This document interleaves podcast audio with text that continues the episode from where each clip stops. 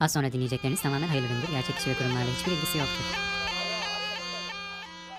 Az önce sepetinin içinde uyuyordu. Bagacısının dürtüklemesiyle dikili verdi öfkeyle. Saldırı pozisyonunda kobra dansı başladı. Merhaba arkadaşlar ben Kobra 1. Ben Kobra 2. Gündemi zehirlemeye Hak edeni sokmaya geldik.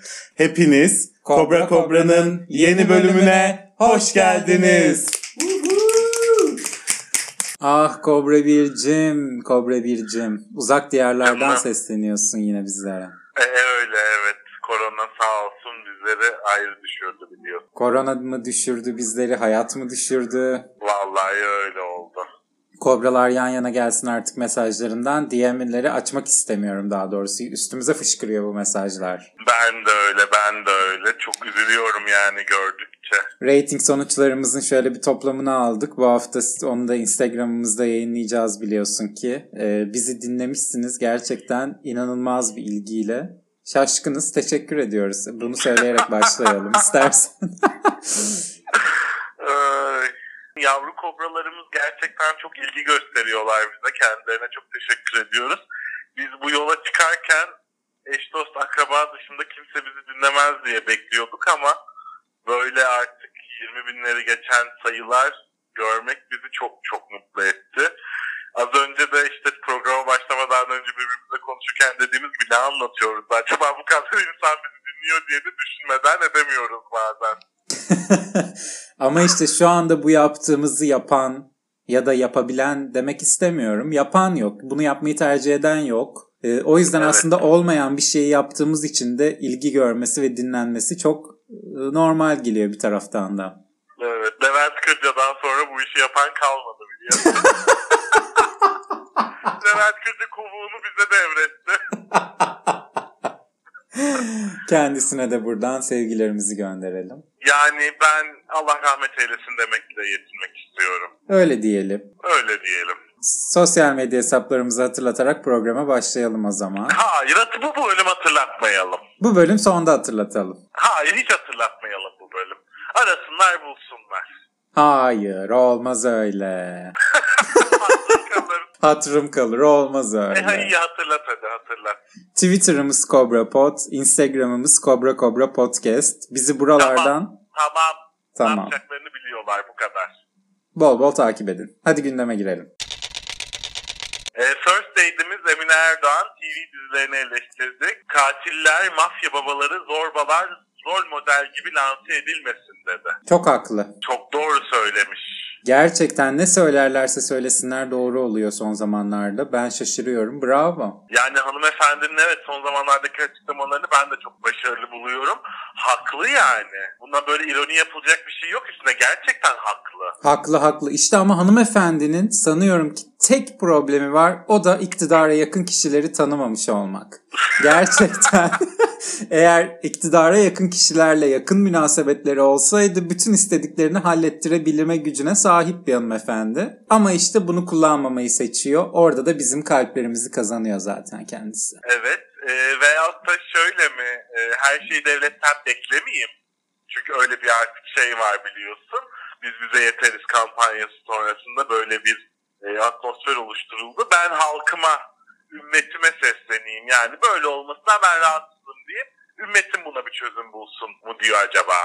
Tabii tabii tamamen bunun yansıması aslında bir açıdan baktığında da. Fakat ben şimdi burada tabii ailemin yanında olduğum için televizyon dizilerine biraz maruz kalıyorum. Hakikaten her yerde bir e, katil, her yerde bir mafya babası. O onun yolunu kesiyor.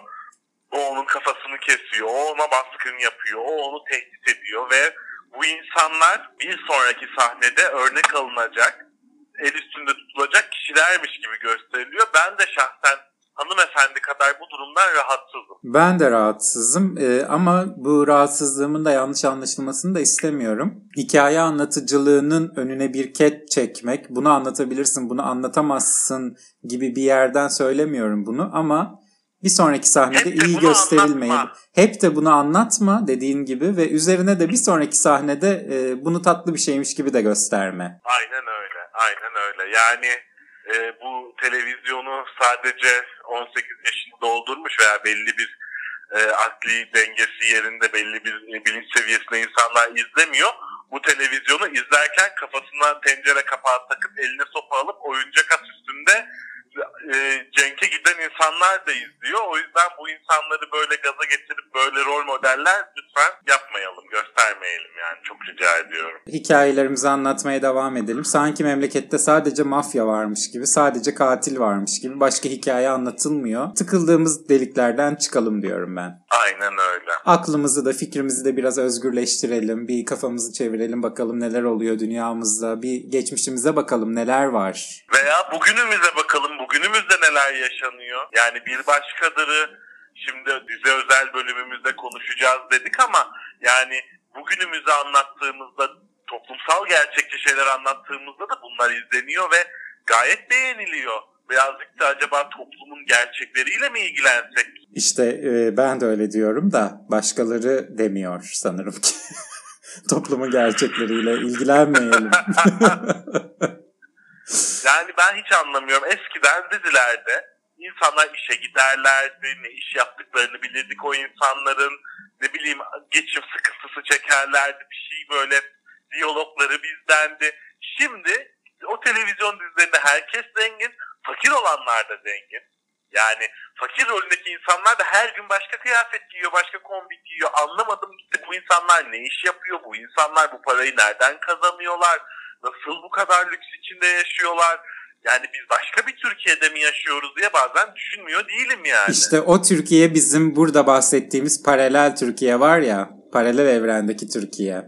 Evet, O Türkiye doğru. orası olabilir. Bu konunun detaylarına yerli dizi özel bölümde girelim. Çünkü çok dolusun Evet. anladığım kadarıyla. Ben de bu konuya çok, doluyum.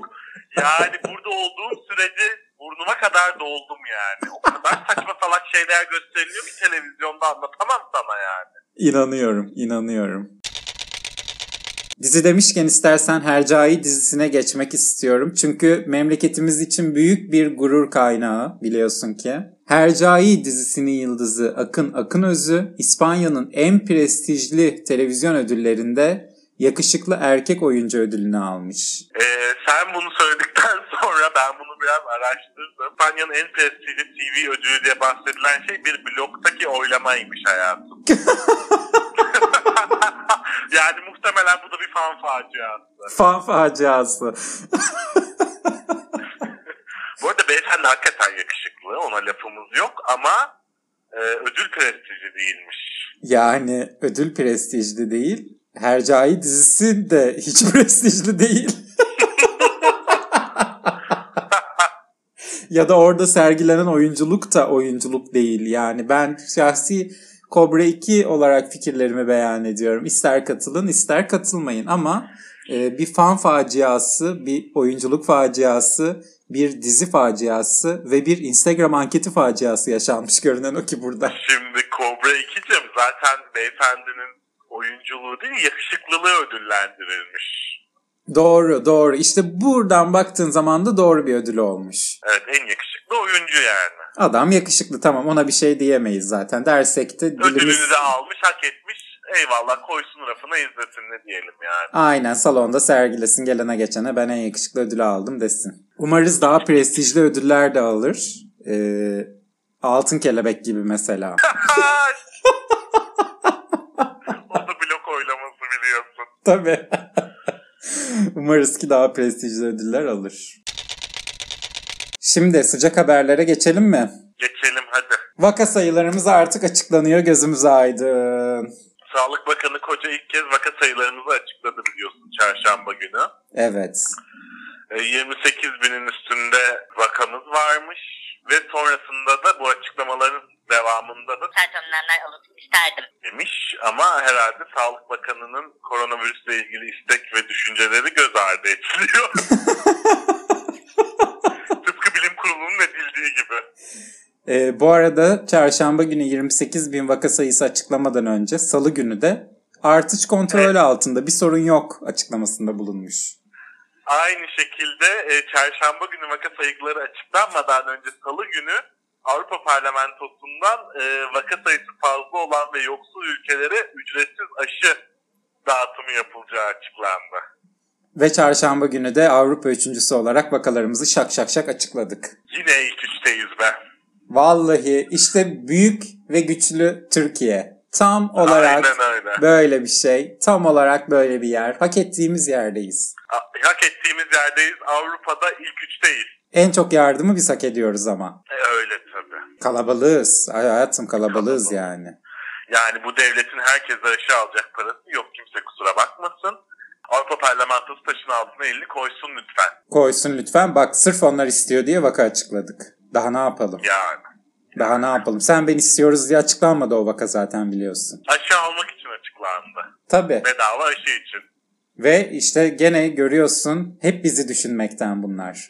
Bedava aşı Aynen var öyle. dediler, vaka sayısı açıkladı. Ya vatandaşını ne kadar düşünen bir yönetim sistemi gerçekten. Bedava mezar var deseler ölü sayıları da gerçek açıklanır.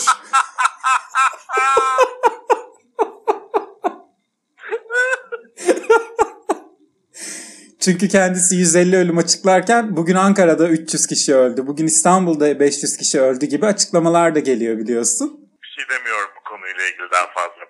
Çünkü çok tatsız bir konu. Çok tatsız bir konu gerçekten çok tatsız bir konu yani.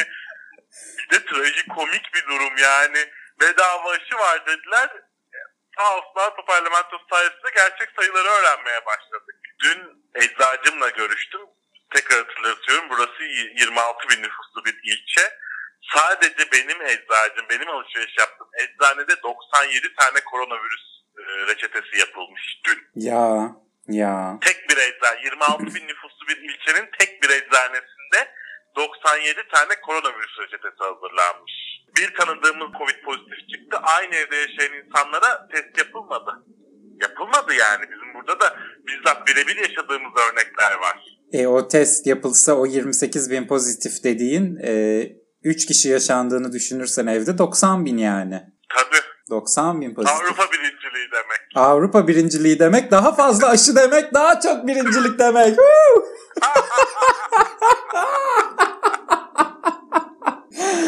Ay, Ay, ay. tamam kapa bu konuyu. Vallahi devletimizden de gene Allah razı olsun bir kez daha buradan söyleyelim. Çok çünkü yerli ve milli olmayan konuşmalar yapmış olabiliriz az önce. Hemen bir günah çıkaralım. Hemen bir günah çıkaralım. Yardımcısı ve konvoyu için yasaklara rağmen restoran açıldı biliyorsun. Evet. E, vatandaşların şikayeti üzerine olay yerine gelen polisler de korumalar tarafından içeri alınmamış. Olur böyle şeyler. Ee, bakan da evde yemek zorunda değil yani. Bu önlemler halk için, bakanlar için değil. Biliyorsun bakanlar halkın çok üzerinde. Hiç kimsenin bakamayacağı bir bakış açısına sahipler. Hiç kimsenin bakmadığı yerden olaylara bakıyorlar. O yüzden ben bakan bakanlar için bir sakınca görmediğim gibi yardımcıları için de görmüyorum. Fakat buradan defakto olarak fiilen şöyle bir sonuç çıkardım ben. Bakanların korumaları yerarşik olarak polislerimizin üzerinde bir yer mi alıyorlar? Evet ben de onu anlamadım. Geçen hafta buradan söyledik sonsuz yetkileri var polislerimizin dedik ama yok mu acaba? Ben bir dehşete düştüm nasıl olmaz diye. Yani e, herhalde e, bakanlarımızın korumalarının yetkilerinin başladığı yerde polisimizin yetkisi bitiyor mu acaba? Gerçekten çok korkunç. Benim bildiğim benim polisim orayı gaza boğardı gaza. Göz gözü görmezdi orada. Yani benim bildiğim polisim de öyle yapardı ama demek ki e, bakanlık korumaları e, polis teşkilatının bir tık üstünde yer alıyor. Bir tık ama çok az çok küçük. Çok az. İçeri almayacak kadar. Ne Kadar. söyleyeceklerini, ne yapacaklarını söyleyecek, ne yapamayacaklarını söyleyecek kadar. Evet bir tık. Derken hadi muhalif biçme makinamız. Çok sevdiğimiz İrem Derici'ye de bir uzanıyor bu köşemiz bugün. Rütük, İrem Derici'nin Senin Hastan isimli klibini müstehcen buldu. İrem Derici ise Uzun zamandır uyarılmamıştım. Uyarıldım. İyi geldi. dedi. Kendisi klipte de uyarılıyor çünkü. Ya İrem Hanım e, kobraların ironik dilini e, diline pelesen kesmiş gibi geldi. Çok hoş bir cevap olmuş bu gerçekten. İrem Hanım'ı buraya istiyoruz zaten ya. Tanıyan, duyan, bilen, gören varsa ne olur iletsin. Kendisini burada ağırlamak istiyoruz. Kendisinin bizimle yapacağı çok kobralık olduğunu inanıyoruz. Yıkılır buralar. Yıkılır, yıkılır. Gerçekten podcast neymiş herkese gösteririz. Konuk nasıl ağırlanırmış Herkes görür yani. Hah, o Beyazıt Öztürk görsün konuk nasıl ağırlanır. Ben klibi ilk izlediğimde de artık televizyonda yayınlanmıyor klipler. e, gayet güzel, rahat klip çekebiliyorlar demiştim. Yayınlanıyor demek ki. Hayır canım bütün internet içeriklerini denetleme hakkı da var. Aa doğru değil mi? YouTube'umuzu da denetliyorlar artık. ha. Yani aa doğru unutmuştum. Sen muhalif biçme makinemizin yetkilerini sadece kendi görev tanımıyla kısıtlı olduğunu zannediyorsan çok yanılıyorsun yani. Onlar da tabii ki hiç üzerlerine vazife olmayan bir sürü işi daha canı gönülden severek yapıyorlar. Doğru söyledim. Bu memleket için. Bu ümmet için. Bu ümmet için gerçekten görev tanımı olmayan denetlemeleri bile yapıyorlar. Daha ne yapsınlar ya? Vallahi bazen içime sokasım geliyor milleti. Bu ümmetin ahlakı bozulmasın diye, bu milletin kafası karışmasın diye Rütü'nün el atmadığı yer kalmadı. Çok teşekkür ediyoruz kendisine. Gerçekten bir bölümde biz de konuk alacağız gibi duruyor. Ay muhtemelen final bölümümüzde onları konuk alacağız. Ve kendisi korona pozitifti. Klip çekimlerinde öyle miydi bilmiyorum. Arkadaşın durumu ne merak etmekteyiz hepimiz. Kendisi menajerim ara dizisinden korona kaptı biliyorsun. Aa çok üzüldüm. Orada da ayrı... Yani gerçekten şakası makası yok bu işin. Ben de üzüldüm ama menajerimi ara dizisindeki bu korona skandalı Twitter'ın gündemindeydi Ee, ve gündeme getirilmek istenmemesine rağmen gündemindeydi. İstersen birazcık bahsedelim biz de bundan. İnsanların seslerini duyurmuş olalım. Lütfen bahsedelim. Ee, biliyorsunuz ki Aslen Eroğlu ilk önce korona çıktı. Daha sonra Ayşenil Hanım korona olduğunu açıkladı. Daha sonra Denizcan korona olduğunu açıkladı. Ee, tabii ki bu ortamda ekibin korona olmaması büyük bir mucize olurdu. Bazı kameramanların da korona olduğu açıklandı. Fakat insanlar test sonuçlarının çıkmasını bile beklemeden dizi çektirmeye devam ettiler bu insanlara. İrem Derici pozitif çıktığı halde onun evine bir ekip yollamışlar. İnsanlar işlerinden olmamak için gizli yeni Twitter hesapları açarak bunları anlatıyorlar. Yani çok korkunç geldi bana. Bu sırf dizi devam etsin, sırf bir kaybımız olmasın diye bu kadar insanı tehlikeye atmak bana çok çok çok korkunç geldi. Yani şu an tüylerim ürperdi gerçekten. Yani o fabrikalarda pozitif çıkanları zorla çalıştırdı haberleri ne kadar çok ilgi görüyor ve halk ne kadar yükseliyor biliyorsun ama bu duruma hiç kimsenin sesi çıkmadı. Aynı durum çünkü bence. Ya hiçbir farkı yok canım. İkisi de paraya tapmak yani. Tabii ha ayakkabı fabrikasındaki işçiyi pozitif olduğu halde çalıştırmaya devam etmişsin. Ha bu çocukları dizi çektirmeye devam ettirmişsin yani. Hadi fabrikada bilmem nerede bir ma- maske takabiliyorsun, bir şey takabiliyorsun falan. Burada oyuncuların hiçbirinde maske yok. Çok ciddi riskli bir ortam yani.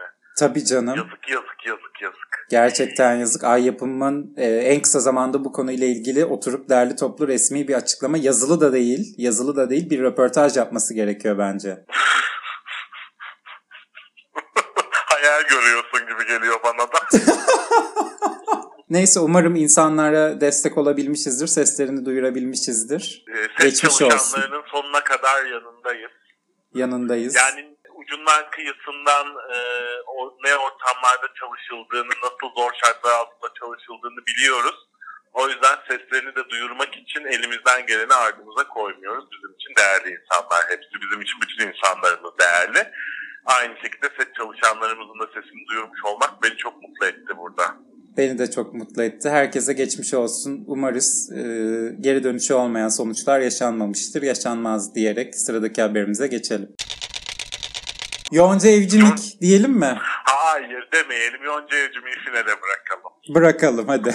Yonca Evcim'in ağzından çıkanı kulağa duymamış. Üstüne açıklama üstüne açıklama da yapmış. Yonca Evcim'i finale bırakalım. Hadi o zaman az sonra diyelim. Cumhurbaşkanlığı köşemize geçelim. Hadi geçelim geçelim. Ee, Sayın Cumhurbaşkanımız Kendimizi başka yerde değil Avrupa'da görüyoruz. Geleceğimizi Avrupa ile kurmayı tasavvur ediyoruz demiş. E doğru söylemiş. Ben de öyle şahsen. Ben de öyle. Geleceğimi Avrupa'da görüyorum.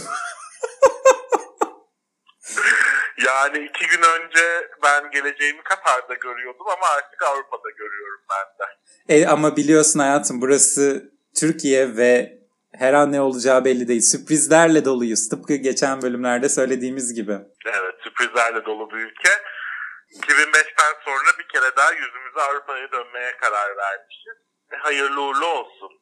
Evet yıllar sonra ilk kez yüzümüz Avrupa'ya tekrar döndü. Ee, arkamız dönüktü. Bir hayrını göremedik. Biraz da önümüzü dönelim. Bakalım önümüzü dönünce ne olacak?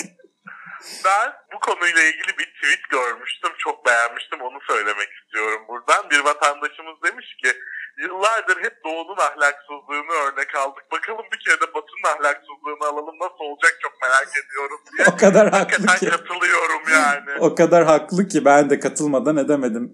Hiç denemediğimiz bir ahlaksızlık çeşidi çünkü. Yani Doğu'nun ahlaksızlığı yetti. Bakalım birazcık da Batı'nın ahlaksızlığını görelim nasıl oluyormuş. Bence de görelim. E, Cumhurbaşkanımızın da bu konuyla ilgili planları elbette vardır ama henüz açıklamamış. Geleceğimizi nasıl Avrupa ile beraber görüyor e, biz bilmiyoruz henüz. Yani ey Merkel, ey bilmem kim, ey Avrupa Birliği dedikten sonra tekrar bu insanlarla barış sağlamak da çok büyük bir erdem göstergesi. Ee, kendisini takdir ediyorum ben. Ben de öyle, ben de öyle. Arada büyük küslüklerin olmaması. Bunlar tatlı küçük atışmalar, tatlı küçük kızgınlıklar. Biz bile burada birbirimize yapıyoruz. Bunlar tamamen öyle şeyler. Şey bunlar liderler dip- diplomasisi biliyorsun. Tabii tabii liderler böyle Yani. anlaşır. Herkesin bunu anlamasını bekleyemeyiz zaten. Bakın bütün dünyaya Trump da böyleydi. Yani dünya lideri dediğiniz adam da insanlarla böyle anlaşıyordu. Yani demek ki bu doğru bir yol. Ee, tebrik ediyorum ben. Gerçekten e, bu kadar ılımlı, bu kadar barışçıl, bu kadar tatlı, güler yüzlü. Daha nasıl tarif edebilirim? İnan bilmiyorum. Kelimem yok. Kelime de harcın yetersiz kaldı. Kelime de harcığım yetersiz kaldı. Şu Adnan Oktar'ın cicişleri olsaydı onlar devam ederdi yerime burada. Öğretmenlerle girdiği diyalog da çok ilginçti bu hafta Cumhurbaşkanımızın. Evet adeta liderler diplomasisi gibi öğretmenlerimizle de şakalaşmayı tercih etmeyi Cumhurbaşkanımız. Ama ne kadar şakacı bir adam, ne kadar tatlı güler yüzlü değil mi değil mi? Nasıl şakalar yaptı? Anlat biraz canım. Yani öğretmenimiz biz atama bekliyoruz, atama istiyoruz diye bir sistemde bulundu yerli ve milli olmayan bir öğretmenimiz. Cumhurbaşkanımıza karşılık olarak bunu bana söylemeyin dedi. Yani bu konunun muhatabı ben değilim. Her şeyi de ben mi düşüneceğim dedi haklı olarak. Doğru, doğru. Milli Eğitim Bakanı'na söylesinler gidip. Sınavdan sınava koşuyoruz dedi öğretmen. O da dedi ki e, koşacaksınız ki başarılı olacaksınız. Sınava girmeden olur mu? Ve doğru, Doğru. öyle dedi. Sınavsız mınavsız oh cukka kucağıma iş olmaz dedi. Gireceksin tabii ki sınavdan sınava koşacaksın dedi. Kendisi çok hazır cevap. Bravo tebrik ediyorum. Ve halkıyla şakalaşmayı ihmal etmiyor ya. Ne kadar zor günlerden de geçsek, tatlı günlerden de geçsek halkıyla şakalaşmayı hiç ihmal etmiyor. Ben o yüzden çok seviyorum. Hep bir şaka. Bir de, bir de bak sürekli muhalefetin eleştirdiği ülkemizde liyakat yok, liyakat yok. Yani bu kesinlikle bunun da yanlış olduğu ortaya çıktı. Sayın Cumhurbaşkanımızın görüşü de bu yönde. Kardeşim sınavdan sınava koşacaksın. En az 8 kere KPSS'ye gireceksin, başarı göstereceksin ondan sonra atanacaksın. Kesinlikle, kesinlikle. Yani yok öyle. Armut piş kucağıma düş. Nerede o günler? Aa, olsa bizimkine düşer.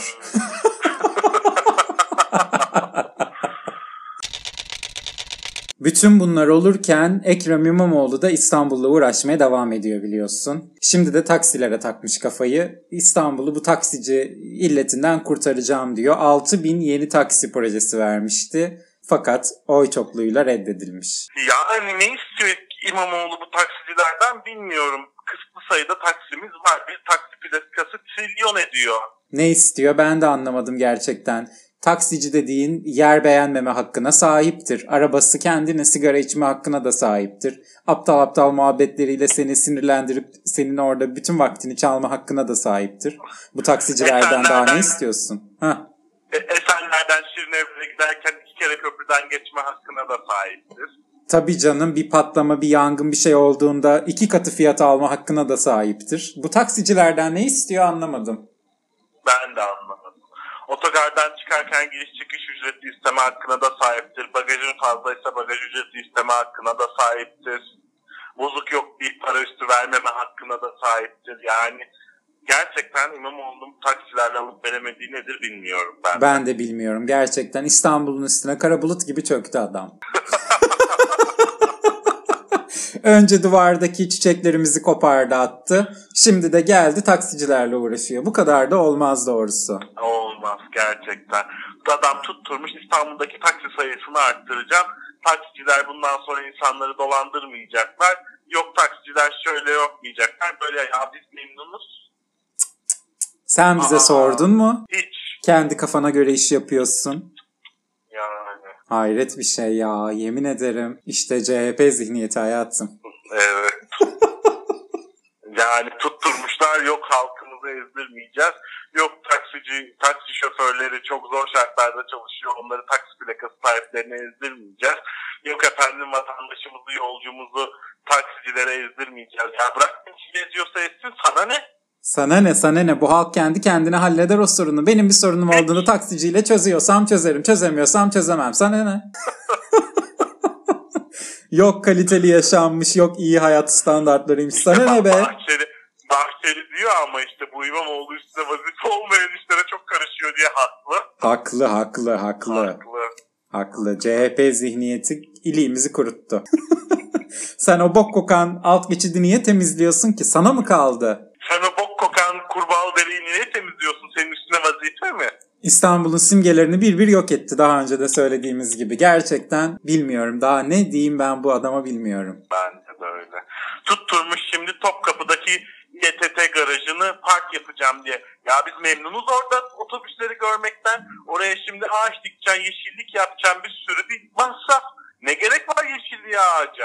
Halkın parasını işte ağaçlara maaçlara parklara israf etmektir bu. Başka da bir şey değildir. Zaten Çukurbostanımız var. Topkapı'ya giden oraya da gider. Hiç hiç israf kültürü zaten gitti o tabloyu da aldı biliyorsun 8 milyon liraya. Böyle bir israf ben daha önce ömrümde görmemiştim zaten. Ben de görmedim. Bilmiyorum bilmiyorum. Bak Cumhurbaşkanımız gibi paraları toplayıp toplayıp vatandaşa dağıtacaksın. Aynen öyle. Keyif çayı alıp millete çay içeceksin.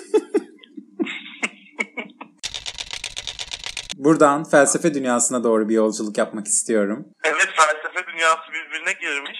Evet felsefe dünyası hiç olmadığı kadar hareketli günler yaşıyor. Çok büyük meseleler var başında felsefe dünyasının. Kısacık ben bir şey söylemek istiyorum bu konuyla ilgili. Tabii. Geçtiğimiz hafta Selin Ciğerci senin yanındayız demiştik. Ee, bazı kullanıcılarımız hala mı yanındasınız diye bize birkaç DM atmışlar bu hafta bildiğin üzere. DM'leri ben de gördüm. Yani burada şöyle bir yanlış anlaşılma olmasın diye bir açıklama yapalım. Biz Selin Hanım'ın yaptığı her konuda her şeyde onun yanındayız onu destekliyoruz diye bir şey demedik.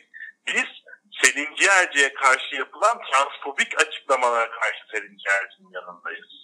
Evet kim her kim herhangi birine Selin Ciğerci burada sadece bu meselenin objesi. Yani Aynen öyle.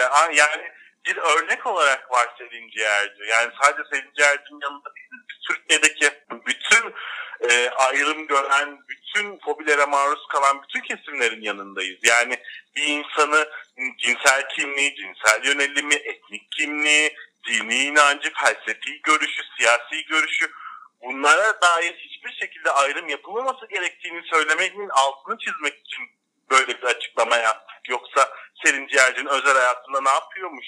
Çok işte mafyatikmiş, şöyleymiş, böyleymiş. Bunlarla ilgili bir e, yanında duruşumuz mevzu bahis. Dediğimiz gibi transfobik açıklamaların karşısında olduğumuz için Selin Hanım'ın yanındayız. Kesinlikle öyle. Zaten bu programın ilk bölümünden bu yana hiç kimsenin özel hayatıyla ilgili tek bir kelime konuşmadık diye ben hatırlıyorum. Selin Hanım'ın da özel hayatında ne yaptığı, ne ettiği gerçekten hiç bizim konumuz değil. Onunla zaten filozoflarımız ilgileniyorlar. evet yani. Onlar filozof, o felsefenin bir konusu. Biz burada felsefe yapmıyoruz. Biz burada sohbet Bizim ediyoruz. aklımız ermez. Bizim aklımız ermez yani Selin Hanım ne yapmış, ne etmiş. Ee, sevgili Kobra birinde söylediği gibi transfobik bir açıklama yapıldı. Selin Hanım'ın yanındayız dedik. Ama yaptıkları, ettikleri bizi ilgilendirmiyor. Hiç kimsenin yanında değiliz özel hayatında. Aynen öyle. Yavru kobralarımızın içi rahat olsun yani. Hala mı yanındasınız gibi mesajlar almak istemiyoruz bundan sonra. Felsefe dünyası karışık dedik. Bircan Kant ve Seren Diyojen birbirlerini Instagram'dan takip etmeyi bırakmışlar. Eyvah. Yani hiç yakışmıyor bu küslükler felsefe dünyasına. Fotoğrafı da paylaşmış. Evet Beraber. fotoğrafı da kırpıp paylaşmışlar. yani bilmiyorum ne düşünüyorsun bu konuda ama. Ay kafamı yoracağım onlarla ilgili ne yaparlar? Yesinler birbirlerini bana ne yani? Valla beni ilgilendirmiyor. Gerçekten yani umurumda bile değiller. Nerede küsüyorlarsa küssünler, unfollowlaşıyorlarsa unfollowlaşsınlar bana ne yani? Ama işte kıskandığın için böyle yapıyorsun sen. Kıskandığın için Tabii onları canım. görmezden geliyorsun. Evet, ergenlikten bir türlü çıkamayan sanatçımız Yonca Evcimik yeni bir şarkı yapmış. Hanımefendi olduğu günden bu yana 17 yaşında ve herhalde ne bileyim düşünce yaşı da oralarda bir yerlerde kalmış olacak ki böyle bir şarkıyı imza atmayı kendine görev bilmiş bir de üstüne açıklamalar yapmış. Buyurunuz gündemimizin en bomba konusuna girelim. Girelim girelim. Ee, kendisi Rahat dur sana da kadın desinler. Kadın gibi olursan hiçbir şey olmaz. Hanım hanım ol. falan gibi sözleri olan bir şarkı icra etmiş. Ee, ben şarkıyı YouTube'dan izleme ve dinleme gafletinde bulundum. Şarkıya YouTube'da altyazı koyma ihtiyacı duymuşlar. Çünkü Ee, çünkü lafını bölüyorum. Kendisi satır aralarının çok önemli olduğunu söylemiş şarkıda. Yazanlardan çok yazmayanların daha önemli olduğunu söylemiş. alt alta yazıp paragrafları ayırarak okumamızı tavsiye etmiş. Evet, evet. Ve hatta mahrem kelimesinin tam anlamını öğrenmek için Google PDK, Wikipedia ve buna benzer yerlere başvurabileceğimiz tavsiyesinde bulunmuş kendisi. İşte kendisi de halkına doğruyu öğretmeye çalışan bir emekçi. Ne diyebilirim ki? gerçekten. Sen kadınsın, zekisin ama bazen de gerçekten aşırı cinssin. Bakma sevgilime be kadın. Çıkacak adın mesaj atma kocama. Gözünü dikme ocağıma. Nasıl bozuluruz böyle haydi söyle. Açarsan mahremin içeri girer işte öyle. İfadeleri kullanıyor şarkısında. Satır aralarında ne söylemek istiyor olabilir sence? Paragrafları ayırmışsın anladığım kadarıyla. Senin önünde Yani açık evet. şu anda. Evet ben paragrafları ayırdım. Ee, benim aklım yetmedi açıkçası. Yani akıl tutulması yaşadım şarkıyı böyle sözlerini açtım. Söz yazarı da kendisiymiş bu arada. Ben okuyamadım satır aralarını açıkçası. Yani ne yalan söyleyeyim ben de okuyamadım. Ee, kendisindeki bilgi birikimi ve kültür bende ne yazık ki mevcut değil yani. Üzülerek söylemeliyim ki ben henüz o seviyeye ulaşamadım. Ee, Yonca Evcimik'le aynı entelektüel seviyede olmamaktan dolayı da kendimi gurur duyuyorum açıkçası. Ben Wikipedia, Google kullanmıyorum biliyorsun. o yüzden bir, bir tık cahil kaldım. konuyla ilgili e, Esin Övet'le röportaj yapmışlar. Bu söylediklerimizi işte alt alta yazıp paragraflara bölsünler. Benim mesajım üçüncü kadınlara açıklamalarını yine kendisiyle aynı entelektüel ve kültür seviyesine sahip sevgili e, Habertürk yazarımız Esin Övet'e yapmış. Çok severiz, çok. Esin'i de çok severiz. O da muhteşemdir, muhteşem. E, yani bu arada bir şey söyleyeceğim. Hmm. ezilen ve ezdiren kadınlar diye sesleniyor kadınlarımıza. Yani ben zannetmiyorum ki hiçbir kadın kendini ezdirmekten memnun olsun ve buna izin vermiş olsun. Korkunç, gerçekten korkunç. Yani çok çok korkunç bir e, içerik mi denir, ne denir? Yani çok korkunç bir ürün demek istiyorum. Ve buradan da anlıyoruz ki aslında Yonca Evcimik'in hiç aklı başında bir arkadaşı yok. E, muhtemelen bunu Yonca Hanım demiş ki ben kadına şiddete, tacize ve tecavüze karşı ses çıkarmak için bir şeyler yapmak istiyorum demiş. Ona demişler ki sen anlatma Karadeniz ekibine danış. Onlar onlarla aynı üslubu ve yöntemi tercih ediyor. Çünkü bu konuya dikkat çekmek için gibi geldi bana. Bana da öyle, bana da. Sen anlatma Karadeniz'in yenge senaristleriyle birlikte hareket edilmiş gibi duruyor. Vahim bir olay. Yani- Çok vahim. E, bu arada ben ilk başta bu olayı Twitter'da gördüğümde ya abartıyorlardır herhalde Yonca Evcimik o kadarını da yapmamıştır falan diye bir ümitle açtım şarkıyı yani şarkıyı dinledikçe diyemeyeceğim çünkü söylenenlerden bir şey anlamadım. Alt yazıları okudukça tüylerim ürperdi. Bir de e, soru kelimesi olan mi'yi bitişik yazmışlar alt yazılarda o da çok dikkatimi çekti. Ben de Yonca Hanım'a aynı şekilde bazı konularda TDK'ya başvurmasını tavsiye edeceğim. Lütfen kendisi programımızı dinlerse tavsiyelerimizi e, dikkate alsın. Kendisi Seyfi Bey'in de uzun yıllar mesai arkadaşıydı biliyorsun. Ondan da hiçbir şey öğrenmemiş. Ona da yazık diyorum. dediğim gibi hanımefendi doğduğu günden bugüne 15-16 yaşlarında kaldı. Ve hala da kendisini genç e, şarkıcı skalasında tutuyor. Onu da nasıl başardı bilmiyorum. Estetik doktoru kimse kendisini tebrik ediyorum. Hala 10 15-16 yaşında görünüyor ve zihniyeti ve zeka yaşı da oralarda kaldı. Hatta onlar böyle 5-6 yaşında kalmış gibi. Yani şarkının söz yazarı da kendisiymiş. Sözlerini de kendisi yazmış. Bir de dediğim aynı şekilde dediğim gibi Esin Övet'e de savunmuş kendisini gidip. Yonca Hanım'a da geçmiş olsun dileklerimizi iletelim. Geçmiş olsun dileklerimizi iletiyoruz. Rabbim Rabbim kimseyi e, böyle akıl tutulmalarıyla sınamasın. Böyle şarkı sözleri yazıp böyle açıklamalar yapmak zorunda da kimseyi diye de dua edelim kendisine. Dualarımız seninle sevgili Yonca.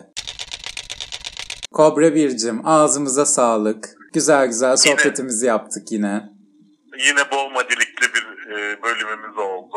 Gibi Gerçekten güzel oldu bu bölüm. Ben sevdim ne diyorsun sen bilmiyorum ama. Yok yok ben de sevdim. Çok keyifliydi.